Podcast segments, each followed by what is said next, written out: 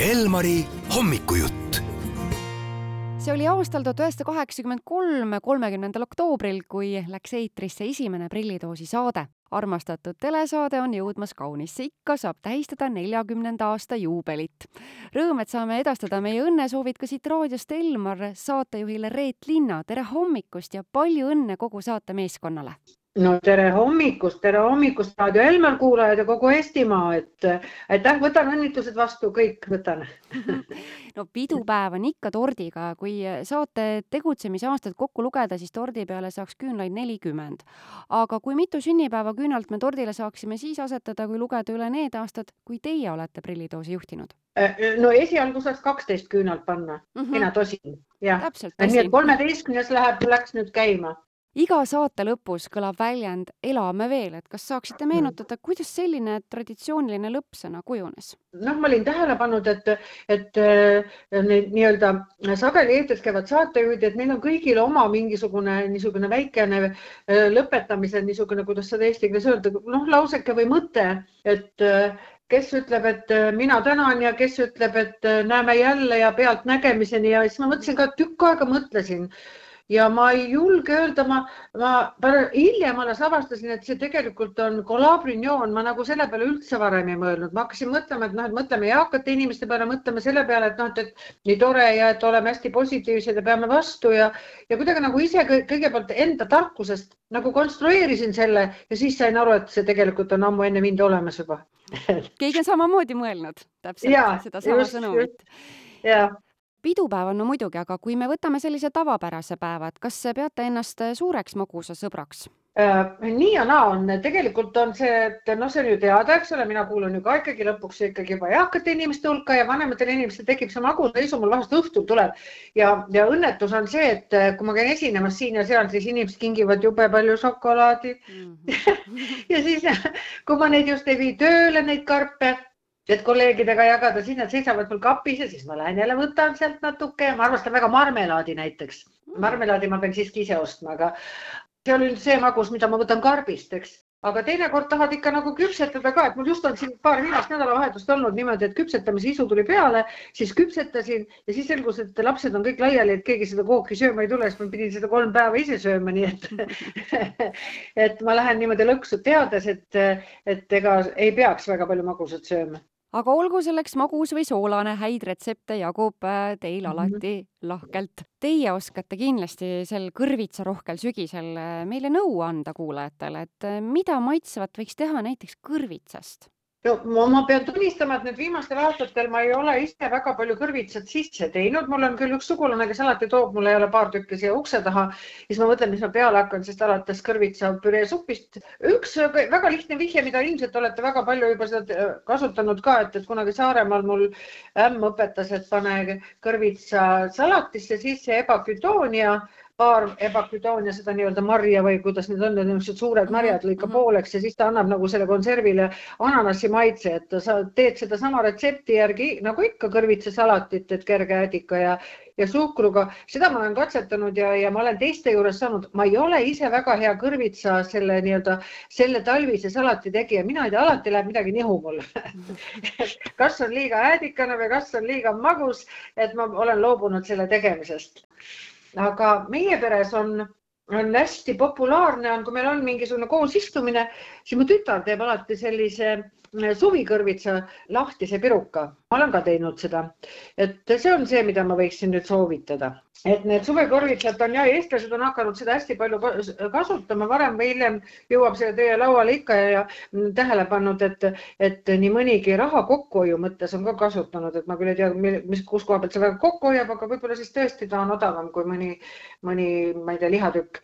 Kindlasti, aga seda võib teha ise taignaga, mina soovitan siin kasutada külmutatud lehtainast ja suvikõrvits, ütleme, kui me räägime ühest lahtisest pirukast kuidas me nimetame, plaadiperukas selline mm, -hmm. mitte kõige suurem plaat, aga niisugune keskmise suurusega plaat, nagu meil ahjudes on, siis see suvikõrvits võiks olla niisugune keskmise suurusega ja võib-olla pikem ja peenem on isegi parem, lõiked tulevad väiksemad, et kõigepealt äh, peaks selle suvikõrvitsa siis korralikult ära pestes hakkima võimalikult õhukesteks tükkideks, siis nagu ratasteks.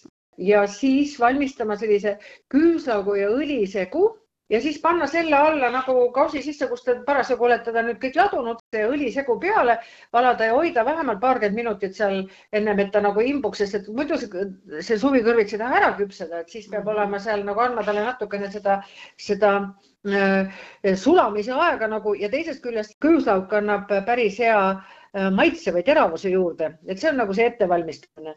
Ja samal ajal siis, kui see on nüüd tehtud, pandud kõrvale, siis võiks selle taigna laiali rullida ja natukene eelküpsetust teha talle, et no see on, see on tunde järgi, et mitte liiga palju, sest et muidu pärast läheb kõik kõrbema, et, et niisugune võib-olla viis, kuus, seitse minutit soojas ahjus, mitte üle, üle saja kaheksakümne kraadi, natukene teda seal turgutada, küpsetada, eelküpsetust teha.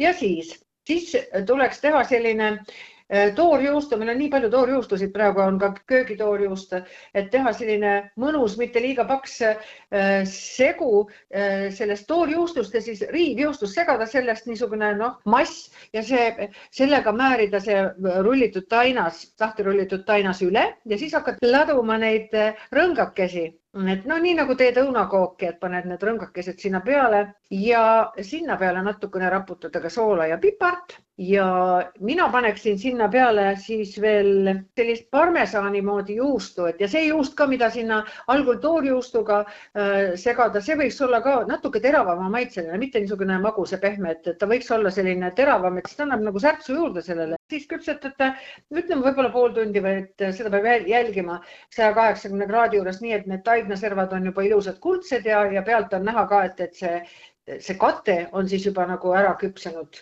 või pehmeks küpsenud, et ega siin muud ei ole, et alati võib sinna visata veel võib-olla, et värvi oleks visata veel niisugune peeneks lõigatud paprikatükke, võib-olla mõni viskab veel isegi veel tšillit natukene, et oleks teravam, aga noh, minu jaoks oleks see palju. et eh, siin võib oma fantaasiat veel edasi aretada nagu. See nüüd oli küll väga hea retsept, mul läks kohe kõht tühjaks, kui ma siin kaasa mõtlesin, kui hästi see veel maitsta võib. selle me lõikame pärast niimoodi, et nagu eeltoiduna, aga samas võetakse seda ka sooja toidu kõrvale, et ta lõigad kenadeks koogitükkideks lahti.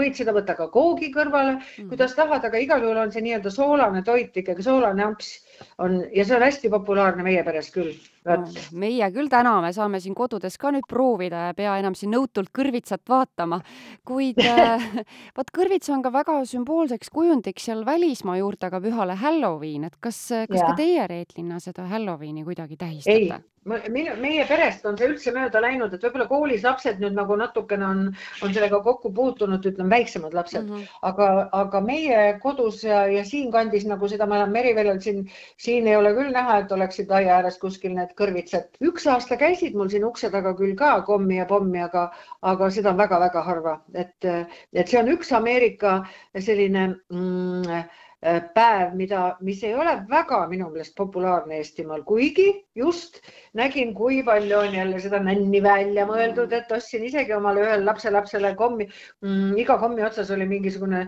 luukere käekont tal oli väga lõbus igal juhul, et seda, seda ütleme, kaubandus, kaubanduslikku poolt on hästi palju silmaga näha, aga tegelikult praktiliselt seda meie elus ikka väga palju ei ole, mina arvan nii. ja on alati midagi muud tähistada ja, ja antud hetkel siis äh, veel kord suured õnnesoovid Prillitoosi saatele. ja, ja ma soovitan jah, saade, mis meil eetris on, mis me salvestasime, see tõesti on nii lustakas, et, et seda võib panna ka aasta lõpus juba täitsa meelelahutussaatena, et seal oli nii palju külalisi, nii palju head muusikat ja head nalja mm -hmm. ja seda me praegusel keerulisel raskel ajal väga vajame, et niisugust head huumorit, eks ju? ja just, aitäh, Reet Linna ja uute kohtumisteni teleekraani vahendusel. ja olge terved ja elame veel. raadio E